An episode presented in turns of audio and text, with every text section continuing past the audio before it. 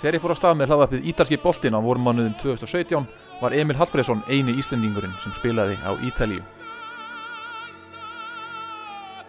Cristiano Ronaldo leik með Real Madrid.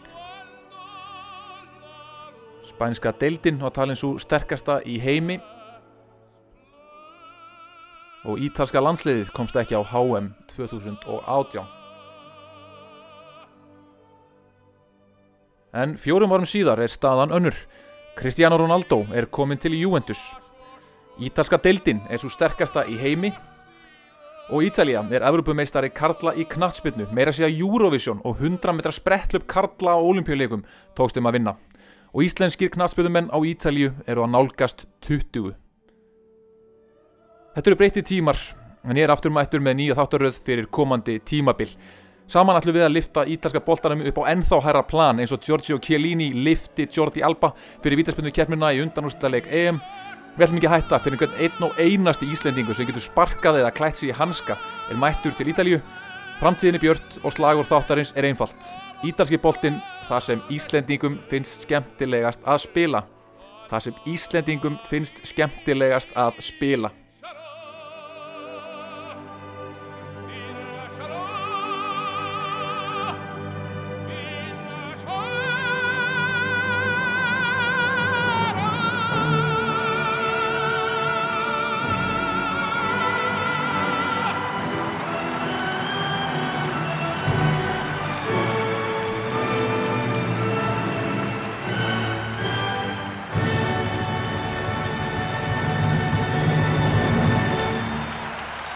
Pavarotti að syngja Puccini þarna. En uh, ég heiti Björn Már Ólásson og þið eru að hlusta á þáttinn Ítalski boltinn. Og uh, þessi þáttur er í bóði Origo. Ef að þið viljið fá umhverfisvænar tölfur kikið þá á Lenovo tölvurnar frá Origo inn á origo.is Lenovo tölvurskjáir eru úr 85% endur unnu plasti sem mingar ekki við nótkun og Lenovo tölvur frá Origo takmarka skadaleg efni í framleiðslu og eru því umhverfisvætni kostur. Kikið á uh, origo.is á umhverfisvænu Lenovo tölvurnar Nýtt tímabil er að hefjast uh, þarna síðra á Ítalju og uh, fjöldin allur af Íslendingum leikur nú í ítölsku deildunum. Mér telst til að á þessu tímabili munum þeir leika þar Hjörtur Hermansson í Písa, Andri Fannar Baldursson, Ari Sigurpálsson, Hlinur Freyr Karlsson, Gísli Gottskálk Þórðarsson, Benóni Breki Andresson hjá Bologna, Birkir Jakob Jónsson og Óliver Steinar Guðmundsson hjá úlingaliði Atalanta.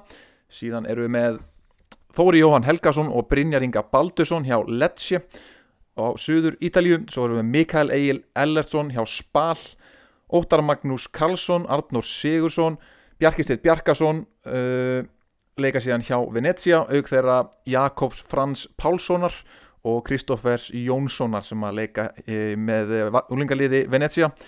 Birgir Stett Styrmisson er nýgengi til liðs við Spezia frá Kauer og síðan erum við með Guðni Átnádóttur hjá kvennaliði AC Milan og uh, Anna Björk Kristjánsdóttir sem leikur með Inter hinum megin í Milanoborg og ég ætla bara að byrja því að fara aðeins yfir stöðu Íslandingana á Ítalju áður en ég fer yfir liðin hvert og eitt í serju A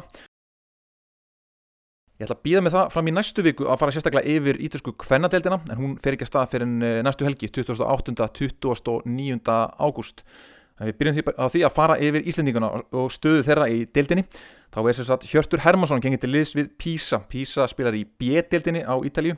Hann hefur spilað í miðvarastöðinni eh, held í öllum æfingarleikjum liðsins fyrir tímabill þannig að það er útlýtt fyrir að hann fá stort hlutverk hjá Písa sem er búin að vera svona miðjadeild síðust ár í B-deildinni. Písa er með bandarinska eigendur eins og svo mörg lið á Ítalju og einhverjir peningrallandi staðar en eh, ég sé ekki alveg kannski að þeir séu að fara að berjast um að komast upp eins og staðan er í dag. Nú, Andrei Fannar Baldursson er í aðalishópi Bologna sem fyrr og munum vonandi fá fleiri tækifæri á þessu tímabili heldur en í fyrra. Fyrir aðeins betur yfir Bologna eftir en þeir hafa mist einhverja miðjumenn en uh, það er samt ennþá hörku samkeppni sem hann er í. Á meðan uh, hinn er strakunir í Bologna, Ari, Hlinur, Gísli og Benóni munu spila með uh, úlingaliðinu eins og það lítur út fyrir í dag. Og það samangildur um Birki Jakob og Óli Vestina hjá Atalanta, þeir verða áfram í, í úlingaliðinu. Hjá Letsjem í bjödeldinni eru þeir komnir F-fæðingurinn Þóri Jóhann Helgason og K.A.maðurinn Brynjar Ingi Baldursson. Brynjaringir er svona einn af þremur miðverðum sem munur starta, þeir eru þrýr öruglega sem munur rótera tveimur stöðum með sér.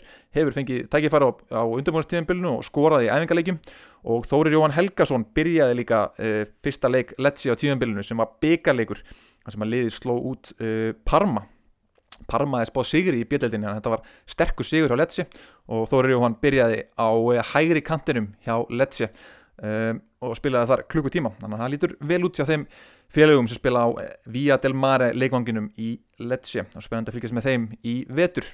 Nú, Mikael Egil Ellersson er búin að vera frábær með úlingaliði spal uh, síðustu ár, eins og ég hef komið inn á eins og þetta áður. Hann er uh, leiftist nöggur uh, kantmaður eins og ég staði þessi vel í úlingaliðinu og hefur verið sterklega orðaði núna við Spezia. Og sannkvæmt mínum heimildum þá er hann í viðræðum við Spezia.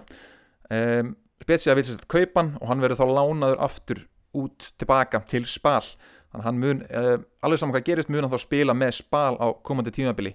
Spalmun er, er í baratu um að komast upp úr bjöldinni og uh, bara vonandi að hann fóði stort hlutverk þar. Hann var að spila bara núna fyrir í síðustu vikum sinn fyrsta leik fyrir aðaliðið uh, í byggaleik þar sem hann kom inn á þannig að þetta lítur vel út hjá honum og spennandi ef að, ef að Spezia vil borga pening fyrir hann Sannkvæmt einni frétt sem ég fann á netinu þá er hann orðaði Spezia á eina miljón evra sem er þó nokkur upphæð fyrir ungan leikmann. Hjá Venetia eru þetta með Íslendingana þrjá, Arnór Sigursson, Bjarkastein Bjarkason og Óta Magnús Karlsson. Sakat mínum heimildum þá er Óta Magnús að fara að skrifa undir nýjan samning við Venetia áður en Venetia mun síðan lánan út og það eru tvö lið sem koma til greina. Sakat ítalskum fjölmjölum það eru lið í Serju C, Mantova eða Serenjó og uh, Venetia menn vilja að hann fái spiltíma, fái konsistent spiltíma yfir heilt tímabil.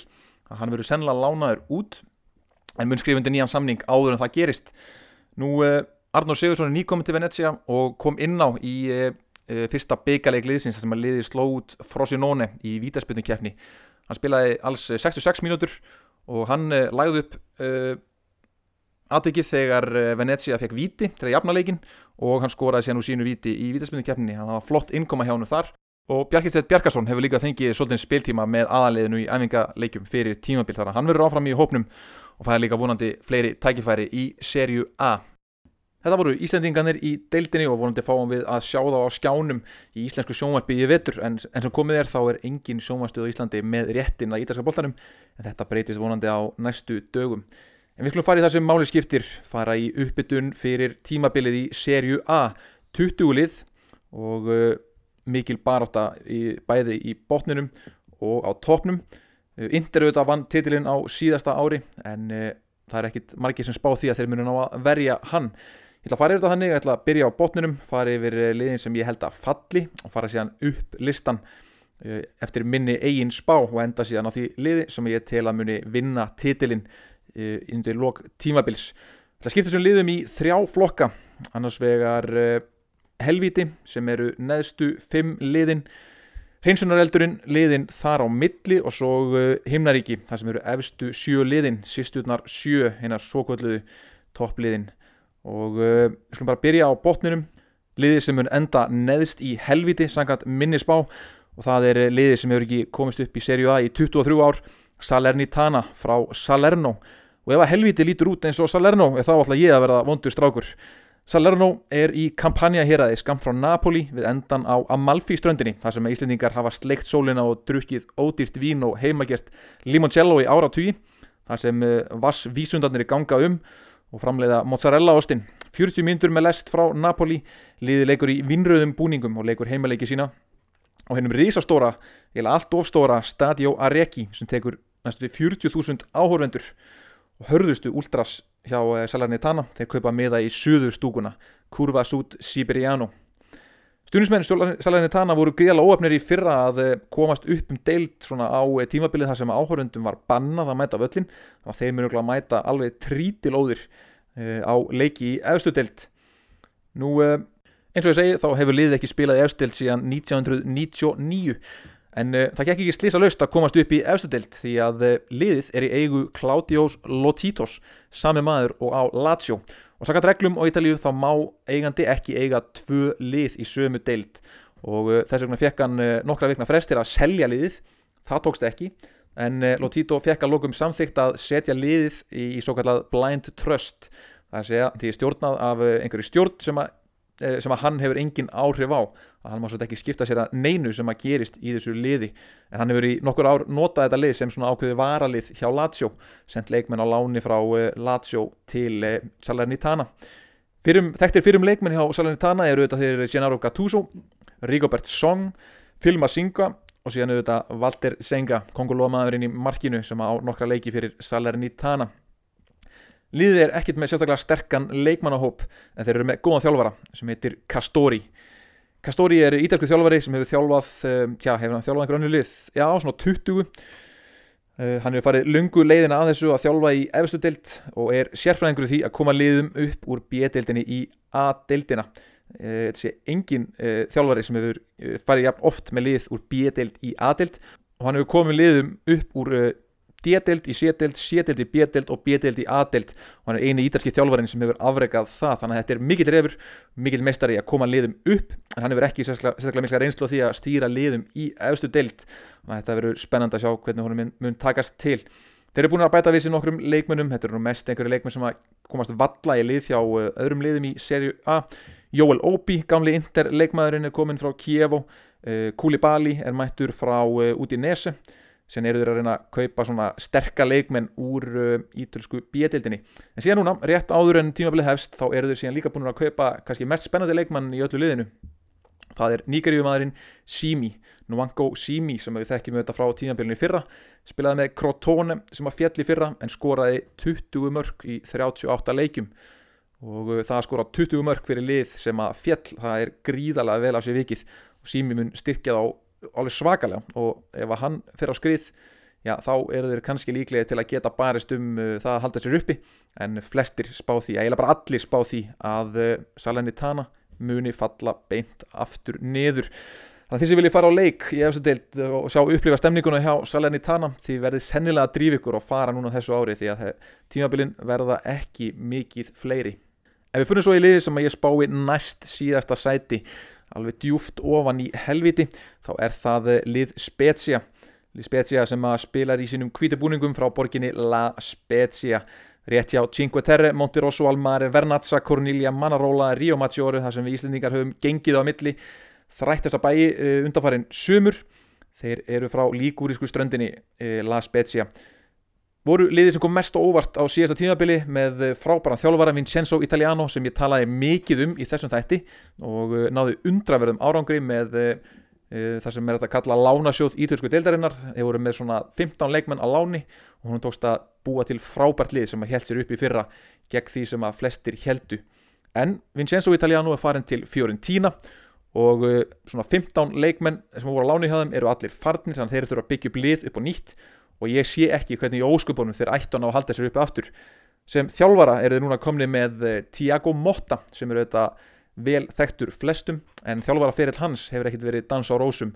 Hann byrjaði því að þjálfa úlingalið PSG og var þar þekktur fyrir mjög sóknarsinnaða og mjög undarlegt leikjörfi undarlega sín á fókbalta síðan fekk hann tækifæri lóksins í serju A eh, sem þjálfari Genoa á síðasta tímabili. Það endist í tíu leiki og liðinu tókst vant að skora mörg og uh, var reygin þar eftir já, tíu leiki. Hann er núna komin til Spezia og uh, hvernig hann á að taka við liði sem er í fallbaróttu og halda þeim uppi ég sé ekki hvernig það uh, bara á að vera hægt. Til að bæta gráu og svart þá var undirbúinastíðanbelið þeirra reynd útsatt ömulegt þeir lendu í tveimur COVID-bylgjum hann að þeir voru með liði í sótkví nánast já, allan júni og júli og eru búin að spila held ég einn æfingarleik áður þeir spiluðu síðan fyrsta byggarleiki sinn Uh, þar sem þeir reyndar unnu. En uh, þannig að þeir eru með fáa styrkingar enn sem komið er gríðalega þunnan hóp og eru bara að stefna það aftur að fá lánsmenn frá öðrum liðum. En það er ekkert, ekki neitt sem bendir til þess að liðið muni halda sér uppi. Svona þeir leikmenn sem þeir þóna á að halda frá því fyrra eru þetta uh, miðjumæðurinn Giulio Maggiore sem er ítalskur U21 leikmaður fín spilari. Og síðan framherrin Mbala Enzola sem var góður að síðast tíðanbilið þegar hann var heill Kantmaðurinn Giassi var fín líka og svo voruð þau búin að bæta við sig eh, landsmanni frá Atalanta sem heitir Reka Serbi sem að spilaði með Crotone í fyrra. En þótt ég lesi upp þessi nöfn og einhver aðeins ég ágættir leikmenn þá sé ég samtíði hvernig þeir eiga að ná að halda sér uppi. Þetta verður þungt og erfitt tíðanbíl fyrir Spezia og ef þeir halda sér uppi í ár þá myndi ég segja þessi ennþá stærra kraftaverk heldur en að þeir hafi náða að halda sér uppi í fyrra og síðasta liði sem að fellur sem ég spái átjóndarsæti í deildinni eru aðri nýliðar Empoli frá uh, borginni Empoli í Toskana. Einni vespuferð frá Flórens. Þetta er lið sem er búið að vera sama, með sama fórseta frá árinu 1991 og hann hefur byggt upp liðið á ungum leikmönnum spilað skemmtilegan fótbolta.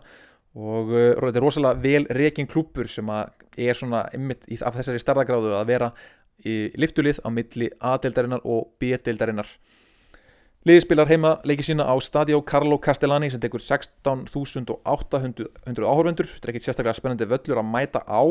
Reysa hlaupabraut, ekki lókuð stúka. Nú uh, Þjálfari liðsins er Aurelio Andreazzoli og það er ekki maðurinn sem kom liðin upp vegna þess að eh, Dionisi, þjálfarinn sem kom þeim upp, Empoli vann bétildina í fyrra af miklu öryggi. Sá þjálfari var eh, handpikkaður og fekk jobbið hjá Sassuolo eftir tímabilið og þá tókuður inn gamla þjálfaran Aurelio Andreazzoli sem að emitt fjall með Empoli fyrir þremur árum síðar. Svo þetta sést að velja þjálfara sem að fjall með liði síðast og ættast til þess að hann sé að fara að halda liðinu uppi núna. Leik, leikmannhópurinn er ekki sérstaklega sterkur.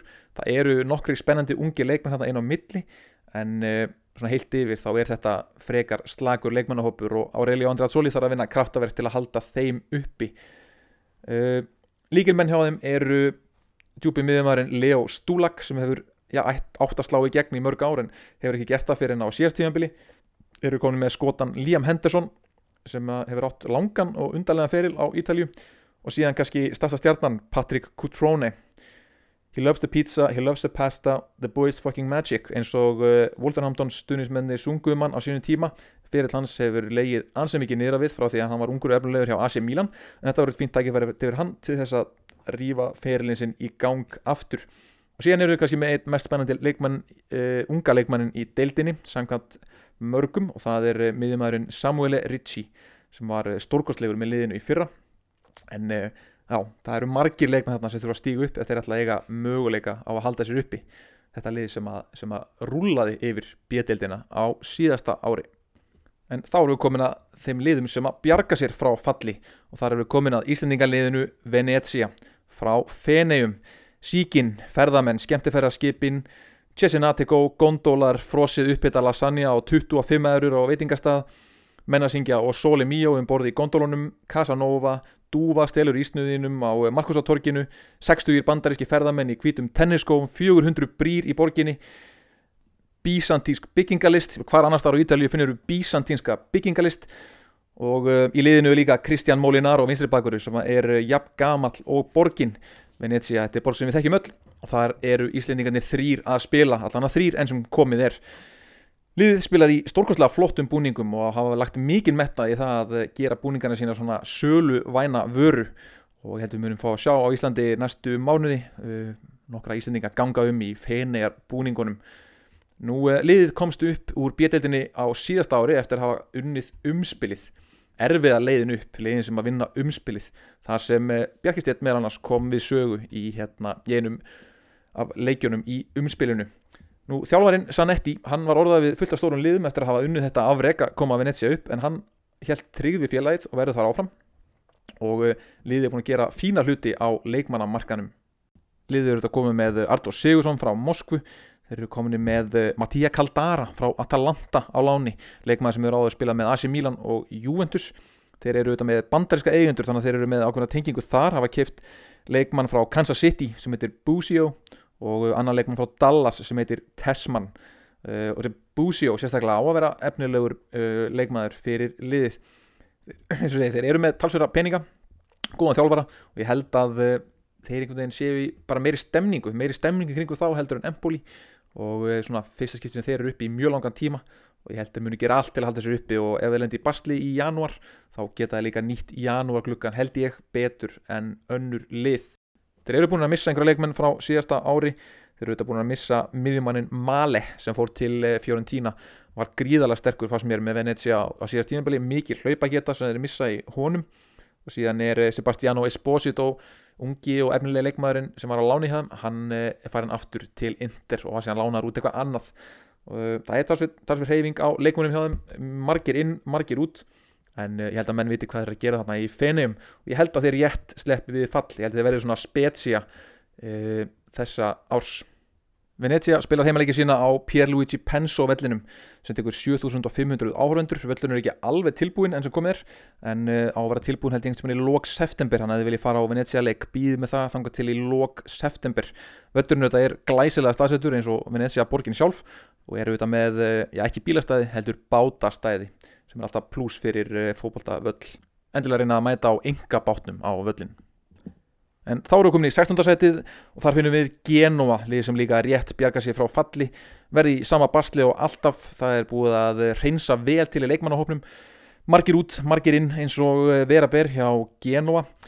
Eh, það fyrir aðtegli að þjálfarinn sem byrja tímanbilið er bjargvætturinn sjálfur, Davide Hitman Ballardini, sem að færa að byrja tímanbilið sem þjálfari. Hann er vennilega þjálfarinn sem kemur inn og bjargar málunum þegar allt ykkur farið í skrúuna og alltaf þegar hann byrjar tímanbilið með liði, þá er hann sjálfur reygin eftir nokkra leiki Þannig að það er sennilega best að veðja á það að hann veri fyrsti þjálfarinn sem verður látin fjúka. Hann eh, er hann góður að dilla liðið sín í góðan varnaleg eh, og hérna, já, búið að hreinsa mikið til. Út eru farnir markvörðurinn eh, Mattia Perin, Gianluca Scamacca, er farin aftur til Sassuolo. Scamacca auðvitað þekktu fyrir það að pappans reðstinn og æfingarsvæði Róma með hafnabólta kilvu. En já, búin að vissa hann, Kevin Strótmann er líka farin, Davide Zappacosta farin og síðan Úsbegin uh, Sjómurótov sem er farin til Róma, ég kem betur inn á það og eftir en hann var greiðlega sterkur frammi hjá þeim á síðast ári. Í staðin eru búin að fá uh, landslýsmarkurinn og Evropameistaran Salvatore Sirigu sem er komin frá Torino. Þeir eru komin með framherran Sam Lammers frá Atalanta sem hann náði ekki að slá í gegn á Atalanta á síðast ári en það býr hellingur í honum.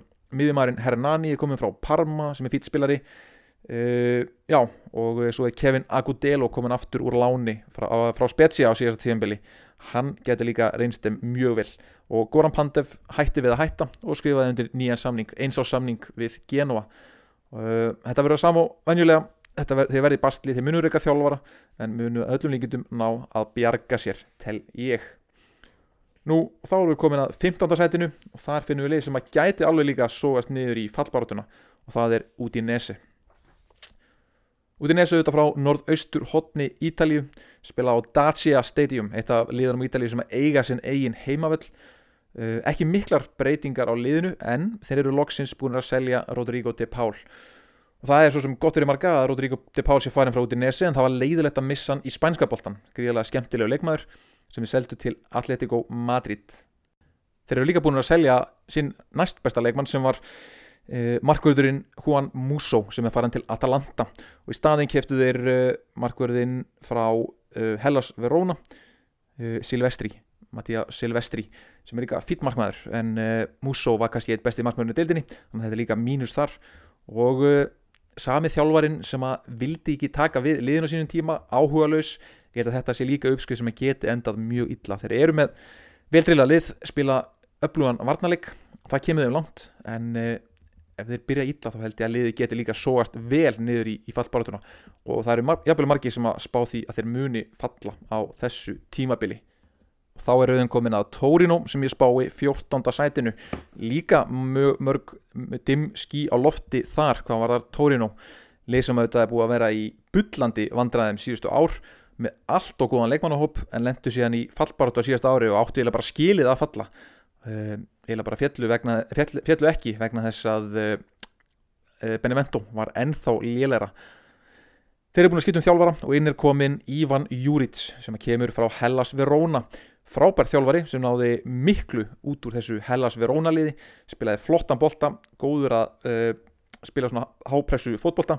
Hann er auðvitað gammal uh, aðstofamaður Gasperinis hjá Atalanta þannig að hann er svolítið af sama skóla og er lóksins komið með múfið í stórt lið því að Tórinu er lið með peninga og völd í ítalsku deildinni.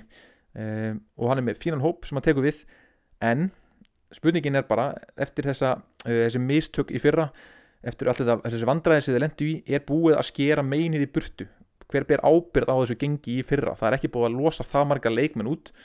En það er greinlega eitthvað annað kannski sem er að heldur en bara illa samsettur leikmannahópur eða lélegur þjálfar eða eitthvað svoleiðis Þannig ég held að sé eitthvað aðeins meira undirlíkandi vandraði í þessu liði.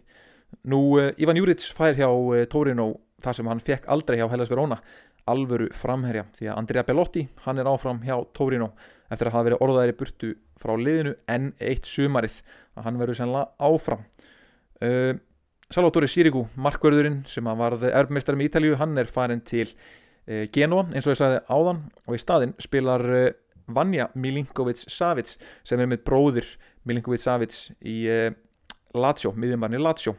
Þessi Vanja Milinkovic-Savic er fýtt markverður og hann er líka aukarspilnu sérfræðingur. Og ég hef hort á leiki með Torino þar sem hann er maðurinn sem stýgur upp og tekur aukarspilnur fyrir liðið. Sá hann eins og setja aukarspilni í slána en hann hefur ekki skorað mark úr aukarspilnu samt ennþá. Það verður gaman að sjá hvort að hann fái tækifærið í aukarspilnunum í ár.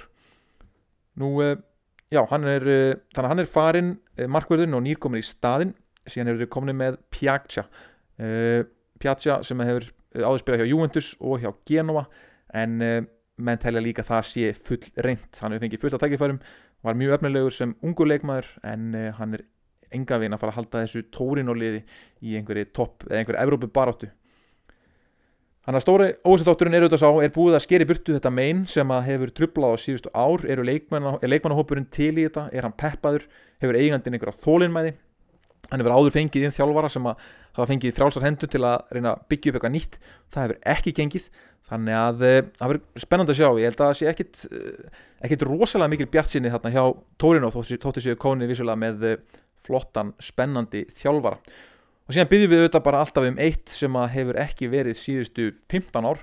Við byggjum um það að Torino rífi sér í gang í darbi leikjunum gegn Juventus. Torino eru búin að vera hrikala lélegir gegn Juventus síðustu 15 ár. Heldur það bara annars aldrei unnið. En uh, Ivan Juric, hann hefur ofta náð fínum árangri gegn Juve-mönnum þegar hann þjálfaði Hellas Verona. Hann tekst vonandi að, að gera darbi leikina, uh, Derby del Mole að spennandi leikjum aftur. Það er alveg komin tíma á alvöru Torino slag. Og nú í 13. sæti erum við með Hellas Verona. Eins og segi þá er Ivan Juric farinn frá Hellas Verona og inn er komin engin annar en Eusebio Di Francesco. Hann far áfram jobb í efstu deilt, hann fór þetta með Róma í undanúslit mistradeldarinnar árið 2018 en hefur verið reynd útsagt ömurlegur síðan. Hjá Sampdoria var hann reygin eftir sjö leiki uh, án Sigus, 6 töp. Uh, hann tók síðan við Cagliari síðast tímanbili og var það reygin uh, eh, eftir mitt tímanbil þegar liðið var í neðsta sæti nánast fallið. Þannig að hann er búin með tvö léleg þjálfvara gegn núna síðast og ótrútt hann hefði fengið jobb aftur. En hann er tekin við Hellas Verona, tekur við liðinu hjá Ivan Juric og hann hefur gefið það út og hann ætlar að reyna að halda í það sama og Ivan Juric gerði. Spila hápressu fótbolta. Vandamálið er bara það að eh, Hellas Verona hefur ekki bætt við sinni sterkum postum frá því fyrra. Þeir eru búin að missa Federico uh, Di Marco, vinsturbakverinn sem var kannski þeirra besti sóknamæður uh, þeir eru búin að missa miðjumannin Sturaro sem var svona vöðvatröll á miðjunni. Þeir eru búin að missa Lovato, ungan og frábælega efnilegan uh, miðverð til Atalanta. Og markverðin Marco Silvestri til, til Udinese. Þannig að þeir eru búin að missa leikmenn og aðeins búin að fá inn að örfáa fína. Enginn sem að styrki lið eitthvað sérstaklega. Þannig að sami leikmann, lélæri leikmannahópurinn í fyrra og lélæri þjálfari. Það þýðir að lið hlýtur að fara niður um nokkuð sæti frá því í fyrra. Ég spái því að eh, Hellas Verona verði í 13. sæti og geti farið ennþá neðar svona, það er líklegast að þeir muni sógast neðar heldur en ofar. Og ég hef ekki miklu að trúa því að Eusebio Di Francesco sé að fara að rýfa liðið eitthvað upp Það sem hjálpar Hellas Verona aftur á móti eru auðvitað hvað þeir eru með frábæra stuðnismenn sem eru þekktir fyrir að stýðja liðið gegnum eh, þygt og þund. Þeir munu gefa liðinu ákveðin eh, meiri meðbyrg núna þegar stuðnismenn með að fara að mæta á völlin aftur. Sjólík eftir því að eh, Hellas Verona mun leika í sérstökum búningum á þessu tímabili. Það eru sérstöki búningar, þrýðubúningar til að heidra Dante Alighieri en Bartolomeus af Skala sem að er sérstaklega gammalli prins úr, uh, frá Verona. Hann var verndari Dante Alighieri's þegar uh, Alighieri var sendur í útlegð. Þetta eru þetta mikli stælar að vera að eigna sér svona Dante Alighieri en uh, ég, ég fíla það, ég geði þeim stig fyrir þetta og held að þetta muni hjálpa þeim líka gefa þeim uh, það sem þarf til að halda sér fyrir ofan uh, fallbarotuna í ár. Í tóltasæti finnum við svo Íslandingaliðið Bologna. Liðið frá Bologna þar sem að menn eru kallaðir hinn er rauðu, söttu og gáfuðu heimabæðir kommunistaflokksins og háskólasamfélagið og uh, auðvitað matarkista Ítalíu. Uh, Parmesan, konungur Óstana, Lambrusco vínið er allt frá Bologna og uh, skemmtileg borg að heimsækja. Nú þeir spila heimaleiki sína á Stadio Renato Dallara sem tekur 40.000 manns og fyrir aftan á stúkuna er þessi frægi músteina turn sem að sést í minstrinu á nýju heimatreyjum þeirra. Mjög flottar heimatreyjum þeirra nýju hjá Bologna nú ekki eins flott er gengið Bologna á undirbúinastíðanbylnu en þeir voru að spila núna e, fyrsta leikin á þessu tíðanbyli í byggarnum og þar mættu þeir Ternana frá bænum Terni og þeir töpuðu 5-4 og þetta var ekki eftir vítaspilnukjapni eða framlengingu heldur töpuðu þeir bara í venjulegum leiktíma 5-4 eftir að það hafa verið 5-2 undir. Og það með ja, eitt sitt sterkasta lið inná liðu þetta er búið að eh, bæta við sig leikmunum þeir eru búin að bæta við sig auðvitað helst. Marko Arnautovic er komin til að taka framherja stöðuna í staðan fyrir hinn færtuga Rodrigo Palacio sem er farin þeir eru líka búinir að bæta við sig eh, Bonifaci, vardamæður sem kemur frá Spal og er uh, ungur og efnilegur. Uh, Sidney Van Hodjong uh, sem eru þetta sonur Pierre Van Hodjong, hollendingurinn aukarspilnu sérfræðingurinn. Litli sonur hans er komin til liðs við Bologna og já, bara fínasti hópur hann var aðeins mist líka, þegar hann var mist þetta Rodrigo Palacio, Danilo Vardamæður hann var endanlega búin með bensinnið sem ég, mér endar fannst gerast fyrir 2-3 árum síðan.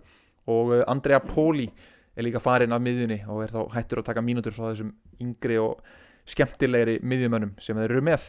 Nú, uh, Andri er búin að spila svolítið á undirbúinastíðanbylunu ekki eins mikið samt og ég hefði vonað en þeir uh, eru með þetta frábæra miðjumenn. Þeir eru með hollendingin Skáten Jetty Skáten sem er ennþá orðaðið við stærstu lið deildarinnar Mattías Svanberg Svín og uh, Soriano spilar í hólunni. Þetta eru þetta ágætið samkeppni við hann en við vonum að Andri fái fleiri tækifæri en áður. Nú og líkilmenninir í liðinu það eru auðvitað eh, Arnautovic sem að verður að koma með gæði og leitu að hæfi líka í svona frekar unglið og síðan Musa Barrow kantmaðurinn frá vinstikantinum sem að skorar mörkin fyrir eh, Bologna. Svo eru þeir með spennandi leikmann líka sem heitir eh, Emanuele Vignato og er, ég spila svona helst í hólunni. Hann átti í einu leik í serju aði fyrra þrjú assist í sama leiknum. Mjög skemmtilega leikmaður á að horfa og ég mæli með að menn fylgist nú honum Emanuele Vignato, ég held að hann veri líka komin í ítalska landsliðið áður en langt um líður. En eins og sé, þessi frumröðn þeirra í byggarnum, fjögur, fimm tap þetta var ekki gott og uh, já, liðið fer kannski inn í tímanböli með svolítið pressu á sér verður að segja, þetta var alls ekki nógu gott liðið mun, sagðan minni spá enda í 12. seti og uh, já, ég held að það sé ekki ég er bara með það góðan hópirun að þeir munu uh, halda sér fyrir ofan fallbaróttuna algjörlega en það eru leikmenn sem þurfa að stíga upp eða er alltaf að blanda sér eitthvað í eh, baróttunum um efstu átta sætin í 11. sæti spáði því að Cagliari endi eigaskækjarnir frá Sardiníu lítið svo sem í gangi á þeim þeir halda áfram í þjálfvara sinn Leonardo Semplici sem að bjargaðu þeim auðvitað á ótrúlegan hátt á síðasta tímabili þeir voru eiginlega svo gott sem fallnir þegar hann eh, tók við þeim. Og hann tókst á ævintýrlan hátt með sko leik eftir leik þar sem þeir skoruðu og snýru leikin við í uppbót á tíma og uh, hann fara að halda áfram með liðið. Er fýtt þjálfari var þar áður með spal, gerði fína hluti þar kom þeim upp, þannig að uh, fýtt þjálfari. Og er með ágætis hóp til að vinna úr. Þeir eru búin að bæta við sig Kevin Strótman hollenski, þessi fyrrum landslýsmæður, hann kemur með reynslu inn á miðjuna nú síðan eru þetta kominu með líka Dalbert vinstri bakverðin sem að mun nýtast en vel því að frammi eru þeir með Leonardo Pavoletti Eh, sem eru þetta eitt besti skallamæða deildarinnar og sóknarleikur þeirra mun ganga mikið út á það að eh, fara upp kantana og gefa fyrir á Leandro Pavoletti. Og það er kannski þeirra Akkilisar hætt líka að hann áða til að meðast og ef hann skorar ekki mörkin þá er ekki margir aðrir sem að munu skora mörkin. Og uh, síðan eru líka að missa svolítið út úr vördunni hjá sér þeir eru búin að missa frá því fyrra uh, sem var á láni hjá þeim Rugani að fara aftur til Juventus. Diego Godín er að fara þannig að hann mun nota svolítið unga vardamenn en eh, annars held ég að þeir mun alltaf bjarga sér og signa eh, mjög lignand sjó um miðjadeilt Cagliari menn. En í tíundarsæti finnum við Sampdoria og þar er Claudio Ranieri hættur með lið og inn er komin Roberto D'Aversa gamli þjálfari Parma sem er svona varnarsinnaður 4-4-2 eða 4-3-1-2 þjálfari kannski ekkit ósvipaðan fótballta sem hann vil spila og Claudio Ranieri spilar. Sampdoria menn eins og ég við talaði um áður þeir eiga engan pening. Og þeir eru þá háður því að þurfa að selja leikmenn eða þeir ætla að kaupa eitthvað. Og þeir hafa frekar lítið gert á markaðnum. Þeirra helsta stjarnar uh, Danin sem að sló í gegn á uh, EM síðastlið sumar.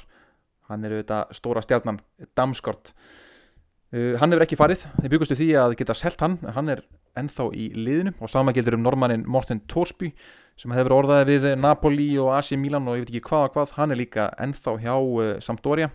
Og það sem þeir hafa bætt við sig eru svona frekar mikið af svona minni spámunum uh, aðeins svona backup leikmenn í vördnina og síðan hafa þeir mistrendar í sóknina Baldi Keita sem er farin og Ramírez, gamli Sáþándón leikmaðurinn sem er líka farin frá Sampdoria ég held að með svona svipuðu, svipuðu liðu í fyrra og uh, áfram þjálfara sem að byggja á varnarleik þá held ég að Sampdoria muni bara sigla mjög leiknan sjó um uh, miðjadild og uh, það er líka góðs viti fyrir þá að uh, Fabio Quagliarella er ennþá feskur, hann skoraði í byggarnum glæsilegt mark með hælspilnum það marka síðan demta vegna rángstuðu þannig að hann svo, tók sér til og skoraði aftur í leiknum setna aftur með hælspilnu og það mark fekk að standa. Hann með tvö glæsileg hælspilnu mörg í sama leiknum, að hann er sjóðandi heitur. Og uh, já, bara vonandi að, uh, að Sampdoria nái að komast á smá skrið. En eins og segjum, engin peningu til og það er ekki nema þeir selji þennan Kristján Damskort þennan uh, þrælerfnilega dana sem að þeir myndi fá pening til að geta gert eitthvað á markanum en nú erum við aðeins að fyrir okkur upp töfluna og nú erum við komin í nýjunda sætið það sem að við erum með Sassuolo þetta græn svarta lið sem að eh, spila svo skemmtilegan fótbolta þeir eru búin að missa þjálfvaran sinn. Roberto De Zerbi, maður sem hefur eh, gert undraverk með þetta lið síðustu ár og spilaði gríðilega skemmtilegan fótbolta, verið orðaði við hvert stórlið að fætur öðru, hann er farin til Shakhtar Donetsk í uh, Úkrænu, skemmtilegt múf fyrir hann sem getur loksins fengið lið í Evrópu. En inn kemur Dionisi, Dionisi maðurinn sem kom Empoli upp og er ja, ennþá yngri og á líka vera gríðalega efnilegu þjálfari Sam, átti fyrst samkomulag við Sampdoria ætlaði að taka við þeim en uh, hætti síðan við þegar hann fekk tilbúðið frá Sassuolo og uh, fór þanga þar sem hann fær að uh, fær með, er með flott lið í höndunum spilar áfram 4-2-3-1 blúsandi sóknarbolta, hápressu en engin pressa á honum að lendi einhverju sérstöku sæti. Þetta Sassuolo liðið þetta sérstætt með moldríkan eiganda og fáa áhörvendur, fáa stuðningsmenn og eru svolítið bara lið sem hefur bara áhuga því að þróa unga og efnilega leikmenn. Þeir eru auðvitað áfram þóttir hafi mist núna uh, Manuel Locatelli til Juventus þessi miðjumæður sem var svo frábær á EM með Ítalju þá er uh, Sassuolo auðvitað með frábæra sóknarlínu. Þeir eru með uh, ekki bara uh, Raspadori sem er 21 ás uh, framherjum sem að spilaði var í hóp á EM í sumar með Ítalju þá eru líka með Gianluca Scamacca sem er 21 ás uh, landsliðsmaður Ítalju og uh, Francesco Caputo sem er prúven markaskorari í efstu deild. Þrý framherjar, svo eru þau með Filip Djuricic þessi frábæri sóknarsinnaði miðjumæður Domenico Berardi og hæri kanti verður sennilega áfram. Jeremy Boga, fyrirum leikmaður Chelsea á vinstri kantinum heldur áfram að rífa ný raskut á varnir anstæðingana að þeir eru með stórkostlega sóknarlínu og það er kannski aðalega svona miðjan ef að Locatelli er farin sem að uh, verður þeirra veiki hlekkur eða varnalínan uh, þetta spila svo mikið sóknarbolta að það mæðir mikið á varnamörunum aftast. Uh, í staðin fyrir Locatelli þá er þeir að reyna að fá uh, Gonzalo Villar miðjumann Róma sem er svona svipaður leikmaður rosalega örgur á boltan en hefur kannski ekki sérstakann áhuga á því að sinna einhverju varnavinnu, ekki sérstaklega fysikal leikmaður, svona tífiskur spænskur eru þetta leikmaður eh, út út og einsás landsliðsmaður Spánar. Það var mjög stert fyrir Sassolo að fá Gonzalo Villar á láni frá Róma en Sassolo, þeir halda áfram að sigla leikna sjó. Uh, þeir byrju á tímabilið vel en síðan eru þeir bara með þannig leikmannhópa að leikmenn hafa engan áhuga á að vera í einhverju topparóttu eru kannski ekki alveg með mindsetið sem þarf í að, að vera í topparóttu og vera svolítið þurfa að gera það sem þarf til að vinna titla. Þannig að þeir muna síðan renna aftur niður töfluna og enda einhverstaðar í kringum níunda sæti, ég spáði þeim níunda sæti á þessu tímabili og þá erum við komin í áttunda sætið og þar erum við með lið sem að sögulega hefur verið hluti af því sem er kallað Sisturnar sjö. Þar erum við með Fiorentina frá Flórens. Vakka endurreisnarinnar. Fiorentina er auðvitað lið sem að allir elska af einhver ástæðu. Sumir út af fjólubláu búningunum liðið þeirra á tíunda áratugnum Gabriel Battistuta, Francesco Toldo Rui Costa með legglifarnar uppi og sokkana niðri litli hermaðurinn eh, Angelo Di Livio sem reykti pakk á dag. Svo er það sumir sem elska Fiorentina út af uh, þeir keftu sér treyju í listasöguferð með Vestlunarskóla Íslands þar sem þeir drukku grappa og limoncello í viku streitt en hver sem ástæðan er þá verður að segjast að vandræðagangur liðsins hefur verið ótrúlegur síðustu tvö ár. Liðið hefur endað í fallbaratu síðustu tvö ár eftir að hafa eh, ætlað að reyna við Evrópusæti í bæði skiptin. Uh, Þjálfarin eftir síðast tíðanbili Beppi Ekini, hann hætti og fyrst ætlaði Fiorentina að ráða Gennaro Gattuso til að rífi upp stemningunni í klefanum og taka við liðinu það endist í 23 daga. Þangað til uh, fósvarsmenn Fiorentina voru orðnir ósáttir og pyrraðir á því að Gattuso og umbósmaðurnans voru alltaf verið að skipta sér að því hvaða leikmenn þeir ætti að kaupa. Á Ítali er þetta þannig að það er yfirmaður íþróttamála sem að sér um að kaupa leikmenn en þjálfarar hafa svona takmarkað um það að segja. Og Gattuso og umbósmaðurnans voru fannir að skipta sér svo mikið að þessu að það kom upp eitthvað ósætti og þeir gerðu starfsloka samning og hættu með Gattuso fengur þó í staðinn það sem er kannski ennþá betri kostur Vincenzo Italiano frá Spezia. Þessi maður sem að fór með liður serju C upp í serju B tók við Spezia, fór með stábeint upp í serju A og held þeim svo uppi. Uh, ótrúlegur þjálfari rosalega góður í að búa til stemningu búa til uh, svona viðamóti öllum stemningu og uh, ég held að hann sé þjálfarin sem að Fiorentina þarf. Hins vegar eru þetta bara leikmannahópurinn kannski ekkit sterkar en það að hann muni ná áttunda sætinu þeir eru þetta með stóru stjórnu liðsins ef hún verður ekki seld núna næstu dögum. Dusan Vlahovic, serbin sem að já, held ég markaðasti leikmaða deildarinnar eftir áramót. Hrökk í gang þar eftir svona lítið sjálfströst uh, á síðast ári. Hrökk gjásanlega í gang, skoraði með hægri, skoraði með vinstri, skoraði með skalla. Uh, ótrúlega markheppin, rosalega vinstri löpp og er orðaði núna við öll stórlið Evrópu og það ber engan að undra. Dusan Vlahovic, þetta verist vera the real deal uh, mjög skemmtileg leikmaði sem er með allt og líka skrokkin í þetta.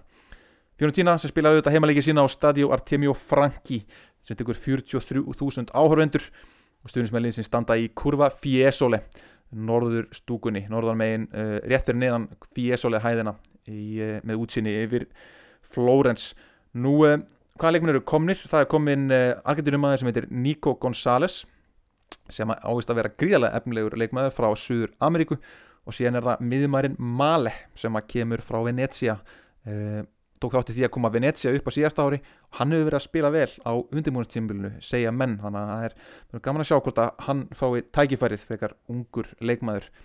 Hverju farnir, það eru þessir gömlu leikmenn sem voru svona að syngja sitt síðasta. Frank Ribery farinn, fikk ekki nýjan samning en hann vil vera áfram í serju að hann er að reyna að leita sér einhverju öðru liði.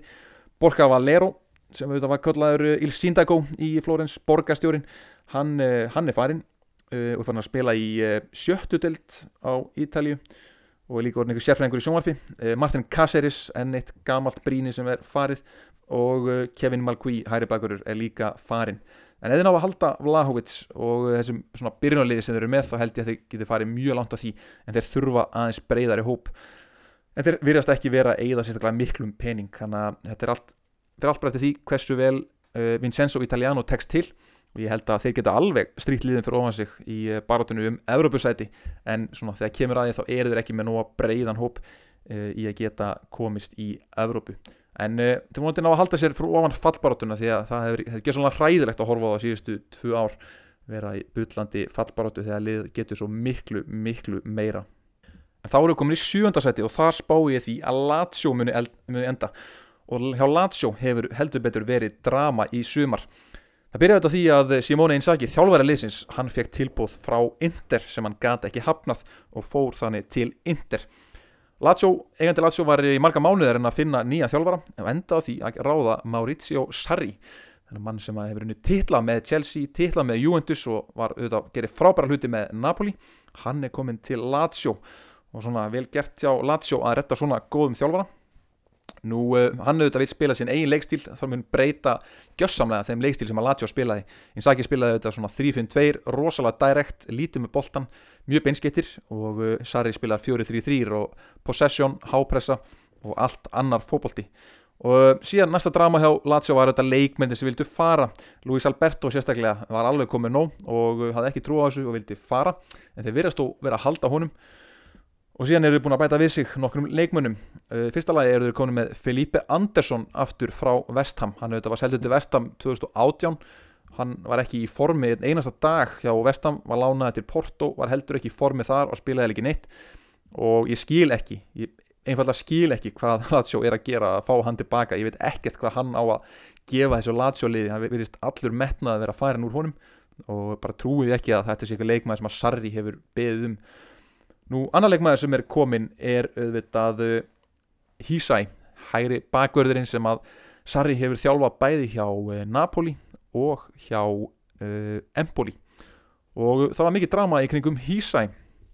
Og hvers vegna? Jú, vegna þess að uh, þegar hann kom til liðsins þá þurfti hann að fara í gegnum ákveðna nýliða vikslu, svona busa vikslu eins og þekkið svo vel í boltanum. Og vikslan var auðvitað svo, hann átt að syngja lag fyrir fram mann uh, sína eigin liðsfélaga hann stóð upp og söng lagið Bella Ciao.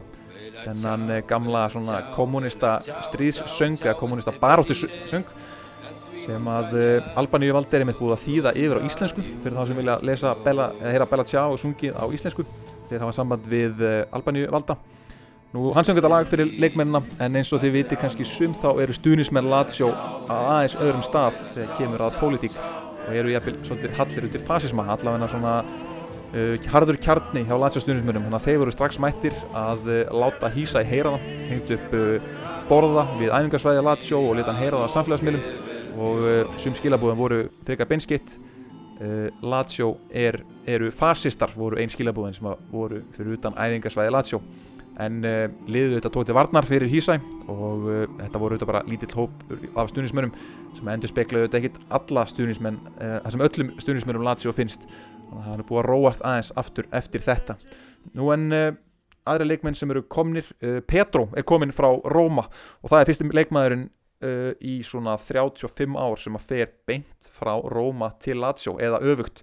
Satt í 35 ár hefur leikmaður ekki farið á milli þessara liða beint en eh, Petro gerir þetta, hann hefur lendt út í kuldanum hjá Jose Mourinho hjá Roma og uh, samlingum var rift og hann fór skrifaði undir hjá Lazio Nú, uh, hvaða leikmenn hafa spilað fyrir bæði lið? En einhverju þekkti leikmenn sem hafa gert það, já. Sinisa Mihailovic á leiki fyrir Roma og Lazio. Uh, Alexander Kolarov hefur auðvitað spilað fyrir bæði lið. Og svo er auðvitað svíin Arne Selmosson sem var fyrsti maðurinn til að skora í Rómar slagnum bæði fyrir Róma og fyrir Lazio. Og hann var líka sangant í ítalsku fjölmjölum fyrsti maðurinn í heiminum sem að skoraði á móti sinu gamla liði og fagnaði ekki þessi virðingar vottur uh, og þangar til ég heyri eitthvað annað þá ætla ég að trúa ítalsku fjölmjölum með það að Arne Selmosson þessi ljósærði leikmaður sem spilaði með Roma og Lazio á uh, sjötta áratug síðustu aldar uh, sem hann kallaður Radio di Luna eða Tungsljósið hann var fyrsti leikmaðurinn til að fagna ekki gegn sínu gamla liði. Hvað sem fólki svo finnst um það. Uh, og það spil líka geta að þegar Alexander Kolarov skoraði gegn sínu gamla félagi skoraði fyrir Róma gegn Lazio þá fagnaði hann eins og brjálaði einhver uh, sem kemur ekkert óvart þegar menn þekkja Alexander Kolarov. Nú en þetta Lazio lið uh, auðvitað enduðu rétt fyrir utan mistræðildarsæti í fyrra og uh, þeir hafa ekki fengið inn það marga leikmenn að ég held að þeir, að þeir ná að halda upptöknum hætti frá síðustu árum og á undirbúinastímbilinu hefur leikur þeirra ekki verið góður og það tekur tíma að byggja upp þennan sarri fótbolta. Þannig að tími þeirra mun kannski koma síðar en á þessu tímabili held ég að Lazio muni ekki ná árangri eh, árangrinu sem þeir vilja og þeir munu enda í sjöunda sæti. Í sjötta sæti finnum við síðan eh, hitt Rómarliðið sjálft Róma og eh, þar er Jose Mourinho við stjórnvölinn. Róma hefði samband við Mourinho sama dag og hann var rekin frá Tottenham og menn hafa líkt þessu við Fabio Capello þegar Róma fekk síðast til sín þjálfara sem er prúven sigurvegari. Það var þegar þeir fengus Fabio Capello árið uh, 2000 Jose Mourinho hefur verið kynntu til X í Róm með mynd þar sem hann, honum er stilt upp eins og Augustus í keisara í príma porta fyrir það sem að þekkja þá mynd. Fengið góða móttökur og allt eins og hans er von að vísa þessi mikilrendi meistari. Uh, ég hef vel þótt að honum hefði gengið ítla síðustu ár. Uh, hann segir að uh, hann sé komin til að taka þátt í þryggja ára projekti. Projektið sé þrjú ár en síðan geti eigundur Róma hraðað projektinu ef þeir eigði meiri pening. Þannig að hann er svona gefist í skinn að honum er ætlan á árangur eftir svona 2 til 3 ár. Hann sagði líka í svona fyrsta viðtali að hann ætti vona á stóri gjöf frá eigendum Róma sett í formi leikmanns. Og uh, þannig talið að það sé þá uh, Tammy Abraham sem að Róma var að kaupa á uh, 50 miljónir evra núna í uh, þessari viku. Róma er líka búið að bæta við sig framhjörðanum uh, Sjómurótov sem að kemur frá Genova Úsbegin sem að slói gegn með Genova í fyrra. Og hann hefur verið frábær á undirmjörnstíðbölinu hann er snöggur, stór og rosalega góður að slúta. Og uh, lítur bara vel út þannig að þeir eru þetta búin að missa Edin Dzeko til Inter. En uh, framlínan með uh, Dami Abraham og Eldor Sjómurótov og síðan Borja Majoral þar fyrir aftan líka lítur bara frekar vel út fyrir Róma en stærsti nýliðin hjá Róma, eins og maður segja eru þetta Nicolò Sagnolo Nicolò Sagnolo er búin að vera mittur í 1,5 ár. Fyrst leta hann annar crossbandið og síðan hitt og uh, hefur valla spila leik í 1,5 ár. En þetta er verðandi stjarnar deildarinnar. Þetta er leikmæðin sem ég hef mest að trúa á á þessu tímanbili að mjög springa út og sína hvað hann getur og tryggja sér líka byrjunarliðsæti í, í ítalska landsliðinu á HM sem fer auðvitað fram uh, strax 2022 Nikolás Sanjólo búin að vera góður á undirbúinstíðanbílinu, er í fantaformi hungraður í að loksins spila. Uh, og þegar hann kom aftur eftir fyrir, cross, fyrir crossmannslitin þá var eins og hann hefði aldrei verið mittur þannig að þegar hann kom aftur núna eftir setni crossmannslitin þá finnst hann líka bara verið í fínu standi. Hefur yngur glemt fylgisti með Nikolás Sanjólo mun sennilega spila úti í hæra megin hjá Róma og kötta inn á vinstifótin þetta er leikmaður sem er stór minnir svolítið á kaka, hávaksinn samt gríðalega fljótur með góðan vinstri fót og fylgistu með Nicolò Sanjolo á þessu tímabili. Og fylgistu auðvitað með uh, Jose Mourinho því að hann mun uh, hleypa hlutum upp í háaloft á einhvern nátt hvort sem að það mun vera með góðu gengi í Róma eða hvort það mun allt mun springi í háaloft og hann verður reygin eftir fimmleiki þá hlakka ég mikið til að sjá Róma og uh, hans fyrsta verkefni virðist vera að þjætta varnaleikin liðið hefur ekki spilað blúsandi sóknarbólta á undirbúinstímilu eins og menn og svo sem byggust við en uh, hann ætlar að laga varnaleikin þetta verður ekki sami rock'n'roll fókbóltinn og, og Róma spilaði í fyrra. Uh, Mkhitaryan og Mourinho rótni vinnir aftur þannig að Mkhitaryan mun spila hlutverk á þessu tímabili. Og uh, annars er Róma bara með mjög fínt lið. Og uh, bara mjög spenntur að sjá hvernig þeim gengur en uh, eftir fjaskóði fyrra þá þóri ekki að spá þeim herra en sjötta seti en þeir gætu auðvöldlega líka kroppað í liðin fyrir ofan. Hverju farnir frá Róma, það er auðvitað búið að hreinsa vel til þar eftir fjaskóði það er hann Monsi sem að styrði uh, Róma fyrir þremur árum síðan. Hans mistök er ennþá að slega félagið. Það er verið að reyna að losa Javier Pastora hann er ennþá ár eftir að samlýninu sínum Robin Olsen er að fara Pál López markmaður er farin, Cengiz Und er að farin til Fraklands, uh, Juan Jesus er loksins búið með sinnsamning og er farin til Napoli, Bruno Pérez er farin og uh, Antonio Mirante var að markmaður er farin og þeir eru konum auðvitað með nýja markmann, Rui Patricio frá Wolves er mættur. Mourinho vildi fá einhvern prúven sigurvera mann sem kann að vinna titla, kemur með smá ró og næði í öftustu línuna. Þannig að ég er spenntur að sjá Rui Patricio með, í markinu hjá Róma eina svona neikvæða sem ég hef séð hinga til það er uh, spænski miðjumærin Gonzalo Villar sem er þessi U21 ás miðjumæður sem er sennilega á leiðinni til Sassuolo. Uh, leikmæður sem ég er mjög hrifin af gríðarlega spennandi leikmæður, góðu sendingamæður svolítið svona típisku spænsku leikmæður sem kannski hendar ekki undir Mourinho en ég vona svo innilega að þessi er ekki fara að selja vegna þess að þetta er leikmæður sem ég held að mér má ná mjög langt eftir að verða frábær leikmæður þannig ég er svolítið leiðilegt að þessi er losa hann og ég vona þessi, að þessi stefni bara á það að lána hann út að þessi ekki að fara að selja hann endanlega því að eh, Gonzalo Villar er verður frábæra leikmaður, ég er alveg vissum það. Í fymtarsæti held ég síðan að AC Milan endi rauðsvarta liðið í Milanaborg uh, eh, rauðið þráðurinn í toppliðunum í serju A í ár sem að ég er að fara að koma inn á eftir eru þetta að flest liðin eru ekki jafn góð og í fyrra. Það er að segja mjög mörg lið eru með veikara byrjunarlið heldur en í fyrra. Asi Milan náði meistaröldarsætinu á síðast ári eftir frábært tímabili með Zlatan Ibrahimovic. Hann mætti auðvitað í janúar 2020, breytti gengi liðsins, breytti kultúrnum, breytti æfingunum, breytti hugafærinu og þeir spiluðu svona klassískan 4-2-3-1 með Zlatan upp á topp. Og nú í sumar eru stóri frétti liðsins, það er að Gigi Donnarumma er farin til PSG frýtt eftir stórkostett Evropamót þar sem hann er búin að vera eitt besti markur í deildarinnar og kannski í Evrópu síðustu 2-3 ár og er gaman að fá að sjá, sjá hann spila í meistradeldinni í fyrsta sinn. En í staði fyrir hann er komin eh, eh, Magnan, markverður frá Lill í Fraklandi sem að vera frábæð markmaður og ekkert slemt um hann að segja en þetta er kannski einmitt vandamálið. Eh, hann er eftir ekkert jafn góður og þannig að þetta er veikari markmannstaða heldur en í fyrra. Á miðjunni hafaði mist Hakan Çalanoglu frýtt til Inter og Diego Dalot er farin úr vörnunni og þóttir hafi sænað síðan Oliver Giroud upp á topp og uh, Brahim Díaz uh, og Bakayoko á miðuna þá finnst mér bara byrjunalið þeirra ekki jafn stert og í fyrra. Í fyrra voruð með Slatan frammi og Mandzukic sem backup, núna er Slatan orðin árun eldri með sín sífældu meðslavandræði Oliver Giroud er 34 ára og er líka aðalega backup fyrir Slatan uh, Telanoglu var kannski óstöðugu leikmaður stundum frábæra, stundum slagur en það er ekki komin einn í staðin fyrir hann og síðan er breytin á kontorum ekkert sérstök. Þeir eru með Andi Rebic vinstramegin um, og uh, hægra megin með belgan Salamakers. Og þóttir hafi sænað uh, Brahim Díaz og uh, séð með Rafael Leao líka á köntunum það finnst mér bara ekkit sérstaklega mikil breytt þarna sóknarlega. Þannig ég held að AC Milan sé veikara enn í fyrra því miður. Uh, nema þeir bæti þó eitthvað við sér núna á næstu dögum. Ég held að sé ekki alveg lókuð fyrir það skotið að þeir munu styrkja sig fyrir komandi tímabil það hafi verið orðaðið við þetta Damskort frá Sampdoria Dusan Tadic, uh, Isco frá Real Madrid þannig að það getur margt gæst ennþá. En uh, líkilorðið er ekki jafn góðir og í fyrra. Og rétt fyrir hún á þá í fjórasæti held ég að Napoli endi og það finnst mér svolítið spennandi verkefni. Frábært byrjunlið og þjálfari sem að smelt passar inn í þetta lið. Þeir eru auðvitað komnið með í brúna Lucky Luciano Spalletti frá Certaldo í Toskana stór karakter elskar að rýfast við stóra karaktera. Maðurinn sem að hendi Totti út hjá Róma uh, og það hvernig hann og uh, Di Laurentiis eigandi Napoli munu vinna saman það er eitthvað sem ég hlakka til að sjá. Þetta getur sprungið allt saman í háa loft eftir uh, aðeins viku en Spalletti er, hann kann að taka erfiðar ákvarðanir. Flottur taktískur þjálfari mun á því besta út úr þessu Napoli liði held ég.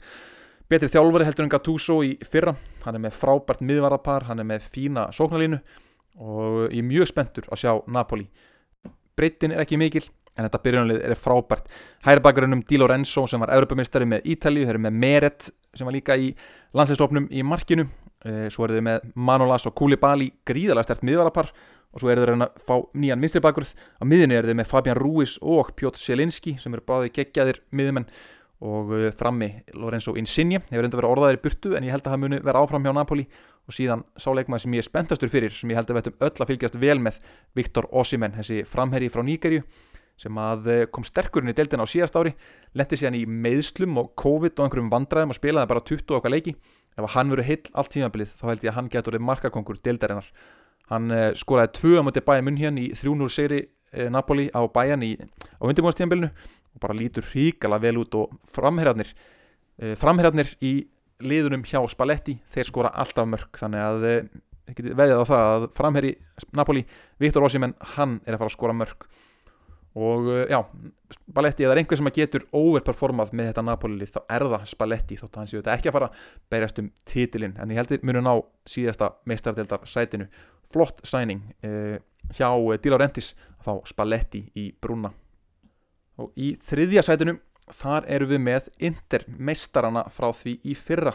Ríkjandi meistarar internationale eftir 11 ára á sásöka tókst Antonio Conte í fyrra og hans mönnum að binda enda á uh, 11 ár á sásöka með glæsilegum og örugum sigri í serju A.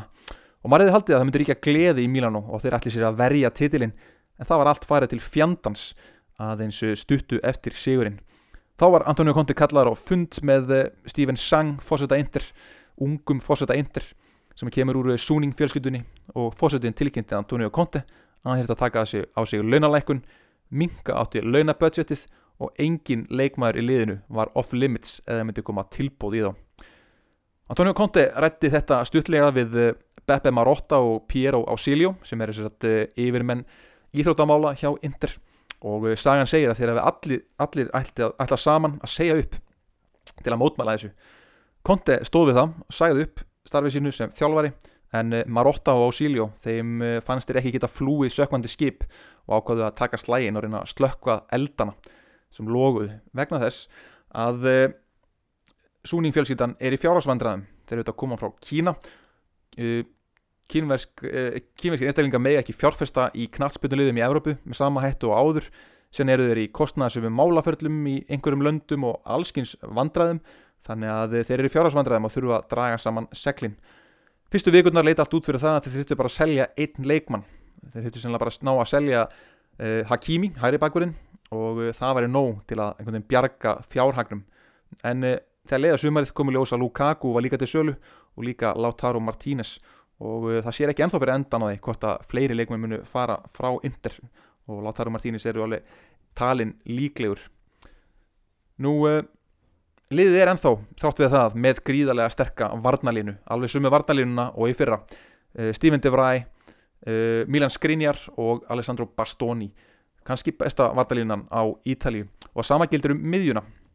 Þar eru ennþá með Brozovic, Barella og uh, síðan eru við með Stefano Sensi og núna konum með Hakan Tjalanoglu þannig að þetta er fín og góð breytt líka á miðjunni Dóttir hafa auðvitað líka mist Kristjan Eriksen og ég held að Kristjan Eriksen muni ekki spila aftur fyrir Inter, hann er auðvitað komið með þennan gangráði í hjartað sem er banna að spila með á Ítalju og uh, mönnum getur fundist hvað sem þeim finnst um það að uh, leikmenn megi ekki spila með þennan, uh, þennan gangráð, eða bjargráð ásækið en ástæðan er auðvitað svo að það eru leikmenn sem hafa nýju niður síðustu ár knastbyttumenn þannig að þetta er gert af öryggis ástæðum við munum auðvitað eftir David Astori sem að lest árið 2017 knastbyttumæður sem að virtist vera fullfrískur og uh, það sama við um uh, leikmann Líf Orno fyrir nokkrum árum. Morosini héttan sem að fjall niður í negin niður í miðjum leik og lest uh, þannig að þetta er gert af öryggis ástæðum og það er svolítið mismundi reglur á milli landa en ég held að Kristján Eriksson muni því miður ekki spila aftur fyrir Inder en þó þessi vonandi hann nái einhver staðar að spila aftur fótbolta. Og það er líka tap fyrir Inder að missa Kristján Eriksson því hann var komin vel inn í liðið á, á síðasta tímabili uh, í staðin fyrir Lukaku og Hakimi þá er Inder auðvitað komið með Edin Dzeko sem kemur frít frá Róma og uh, Denzel Dumfries hæri bakverð hollendinga á HM og uh, leikmenn sem heita Denzel í fornafni, það eru menna mínu skapi. Hann er auðvitað engin Hakimi og Dzeko er engin Lukaku og þetta mun aðeins breyta ásýnd liðsins en Inzaghi hefur líka talað um það að hann vilji spila aðeins sóknarsinnara heldur enn í fyrra og hann vilji svona framherrin sé aðeins meira inn í teig heldur enn í fyrra. Fyrra spiluðu er mikinn skindisóknarbólta Lukaku er ofta taka hlaup frá eigin vallarhelmingi þegar unni boltan uh, og þeir nýttu hraðan hans skriðalega vel, hraðan hans og hraðan hans Hakimis. En í, en í ár þá ætlaði að reyna að spila meiri possession fótbolta og vilja hafa Tseko meira inn í tegnum og ég held að það sé skinsalega nálgun hjá Inder þannig eins og segi, þeir eru búin að missa 2-3 sterkar posta, hafa bætta upp svona ágætlega að mig finnst og er ennþá með kannski bestu varnar og lína og jafnvel miðuna í deildinni. En ég held bara að eh, það að endurskapa successið frá því fyrra það muni reynast honum eh, ofveða honum með Simone Inzaghi. Og er rauninni ræðist þetta alltaf því hvernig honum tekst til. Hann er með verkværin í höndunum hann getur verið í titilbaróttu en ég held bara einhverlega að þetta verði of erfitt og mikil óana í hópnum líka þegar þú ert farin að selja þína bestu leikmenn. Og það eru uh, varnamenn þarna, þessir stórkvæmslegu varnamenn þeir eru sumir í samningavirðum um nýjan samning og ólíklegt að þeir nenni að semja upp á nýtt ef þeir eru búin að sjá það að liðið er að selja bestu leikmanni sína. Og jafnvel á næsta ári að þeir munu ekki ná meistardeltasæti þá náttúrulega fer allt í vaskin þannig að þetta er eldfimt ástandið hjá Inder og þetta lítur frekar ítla út uh, en já, vestar sem gerist er að þeir komist ekki í meistardeltin á næsta ári. Þá held ég að það verði bruna útsala hjá liðinu. Og í öðru sæti er ég með Atalanta liðið sem enda í þriðja sæti í fyrra. Það var ekki miklar breytingar fyrst mér orðið á leikmannahopnum þegar þetta eru búin að selja Kristján Romero til uh, Tottenham þessi ja, sterkki varnamæður, aggressífi varnamæður sem var, hataði ekki að fá uh, bæði gul og rauðspjöld. Hann er farinn og markurðurinn sumuleiðis uh, Golini er farin líka til Tottenham rapparinn Golini. En í staðin eru búin að uppgreita markmannstöðuna fyrst mér. Þeir eru búin að kaupa Juan Musso frá Udinese á 20 miljónir evra. Og þetta er svona með þeim dýrari leikmennum sem Atalanta hefur kipt Eh, þetta er almennt lið sem að kaupir ekki leik með svona dýrum dómi. En þetta er ákveðið statement lið sem búin að koma, komast núna í meistaröldina tvö ári röð. Uh, að þessu fannar að eða 20 miljónum evra í markmann. Þetta er alveg statement og, og gaman að sjá að Atalanta eru svona aðeins fannar að setja meira púður í þetta og ætla ekki bara að vera krútlið sem að hillar Európu með leikstíl. Og í vördnina í staðin fyrir Romero seði missa þar eru koni með uh, Demiral frá Juventus sem tyrkneski landslismæður sem að ég held að sé svona kannski ekki alveg að góður Romero en ekkit mikið downgrade samt sem áður það sem ég set kannski aðalega spurningamarki við er sóknalínan uh, þeir eru ennþá með Duman Zapata og Luis Muriel upp á topp. Uh, en þeir hafa kannski ekki alveg fyrst mér verið nógu góðir og ég set spurningamarki við það að styrkja ekki sóknalínuna fyrir þetta tímanbill þetta er að lappa inn í uh, komandi tímanbill með nákvæmlega sömu miðju og nákvæmlega sömu sóknalínu og í fyrra. Josip Ilicic auðvitað var aðeins fara að draga úr honum á síðasta tímabili. Hann er búin að vera orðaðið við AC Milan í allt sumar en virðist ekki vera að fara hversu mótiveraður er hann að mæta núna og, og byrja aftur að æfa með Atalanta og með sín vandraði sem hann hefur glýmt við í, á síðustu árum. Þannig ég held að þetta sé svona svolítið brótætt fram á við en uh, Atalanta er alltaf Atalanta og þessi leikstíl uh, Gasperinis uh, og leikmennir sem að fylgjónum gjössalagi blindni þetta er alveg, þetta er sterkur hópur, mjög sterk liðsheld og svona yfir heilt tímabil þá eru þeir rosalega consistent. og ná alltaf að, rúlla yfir litluliðin, sapna stigum þar. Þannig að ég held að Atalanta muni ná að mista þetta sæti enn og aftur, þeir eru bara konið með svo mikinn stöðuleika og ef þeim tekst að halda þessu stöðuleika enni tímabilið þá eru þeir bara búin að fætta sig í sessi sem, sem raunverulegt toppið á Ítalíu.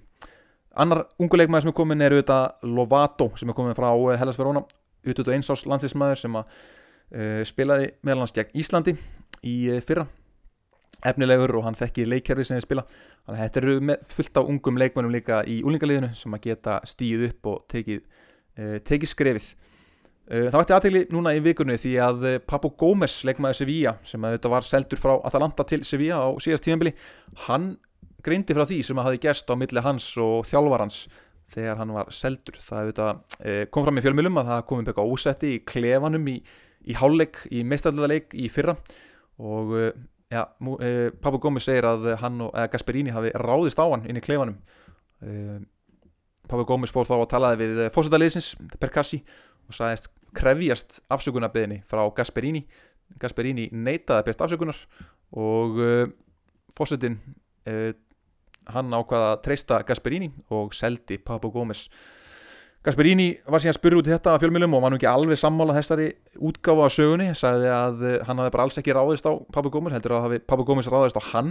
Þannig að það er nú einhver, þá greinir eitthvað á hvað gerist þarna, en uh, Gasperini er harður og hann er ekki allra, hann er mjög sérstaklega karakter, uh, mjög svona grófur, uh, margir sem að fíla ekki að spila fyrir hann og hann ræður öllu hjá Atalanta, hann er búin að vera að búa til peninga fyrir eigendur liðsins, búin að vera að selja leikmenn dýrun dómi. uh, búin að gera frábæra hluti með mjög lítið budget. Hann er algjör, algjör hérna, gullkálfur fyrir lið hann ræður öllu og ef það fyrir að ganga illa hjá Atalanta þá skulum við heldur ekkit uh, útloka það að, að uh, það kvikni algjörsanlega í Gasperini og það það myndist ennþá svona stærri vandamál. Þetta, þetta mál með eh, Pablo Gómez held ég að sé ekkit einstæmi hjá, eh, hjá Gasperini, hann er mikill, mikill skaphundur.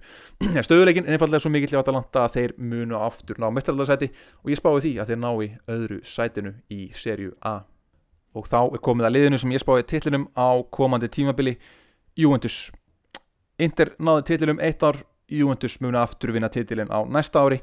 Þeir eru nánast með óbreytlið frá því fyrra en það sem breytir öllu þeir eru komni með Max Allegri aftur við stjórnulinn þeir kvöttu Pirlo eftir uh, eh, Dabur gengi í fyrra. Allegri er komin aftur maður sem getur smíða lið þótt hann sé með furðulegasta leikmannahóp sem, sem vitaður um þótt hann sé illa samsettur leikmannahópurinn þá tekstur hann alltaf að finna rétta byrjunlið og vinna fókbaltaleiki og það er það sem hann er að fara að gera með Juventus. Og með það að liðin í kring hafi ekki styrt sig Inter orðið veikara, AC Milan orðið veikara Napoli ekki með breytina Atalanta er ennþá lítill klubur, lítill sveitaklubur þá mun Juventus vinna titilinn enn og aftur. Um, þeir eru búin að missa Gianluigi Buffon í annarsinn sem þeir missa hann, það er náttúrulega fótt til PSG líka eitt tímabill hérna um árið. Hann er farin til Parma uh, og svo mistu þeir Demiral til Atalanta. Annað hafa er ekki mist og þeir hafa bætt við sig Eh, Manuel Locatelli, miðjumanni Sassuolo sem sló í gegn á EM í sumar með ítalska landsliðinu.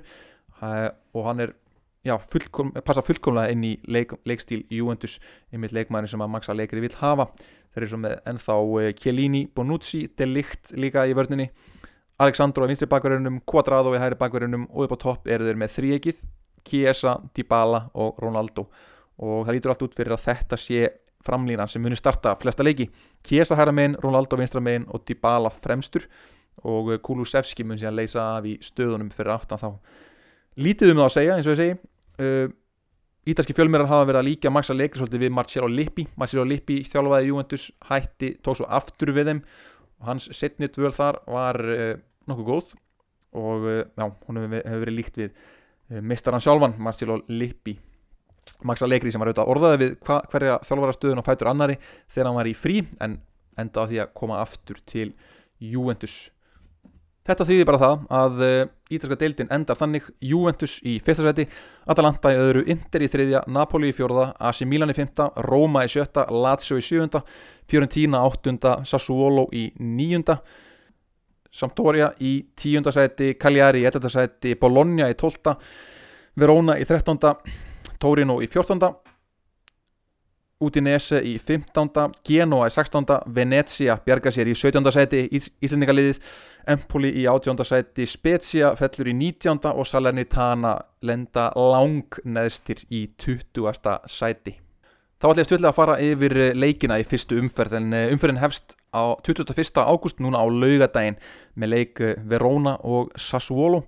Inter mæti svo Genoa í fyrsta leik Empoli Lazio um kvöldið á samt Torino Atalanta. Og uh, mikið rosalega held ég Atalanta sé að fara að valta yfir Torino í þessum fyrsta leik. Á sunnudaginn mætist Íslandika liði Bologna nýliðum Salernitana. Og vonum að Bologna fóði flying start þar eftir þetta 5-4 ævintýrilega tap þeirra í byggarnum út í nesu mætir Juventus í leik sem ég held að Juventus takir líka ansi auðvöldlega Napoli mætir Venezia. Það verður spennandi leikur að sjá. Og um kvöldi mæta svo Róma og Fiorentina í líka skemmtilegum leik tvölið með nýja þjálfara. Á mándaginn eru síðan tvei leikir Cagliari Spezia og Sampdoria fær AC Milan í heimsókn. Og þannig klárast fyrsta umferðin. En ég ætl ekki að hafa hennan fyrsta þátt lengri að sinni. Við heyrumst aftur á fyrstu daginn í næstu viku. Þannig að þá verið þið sæl.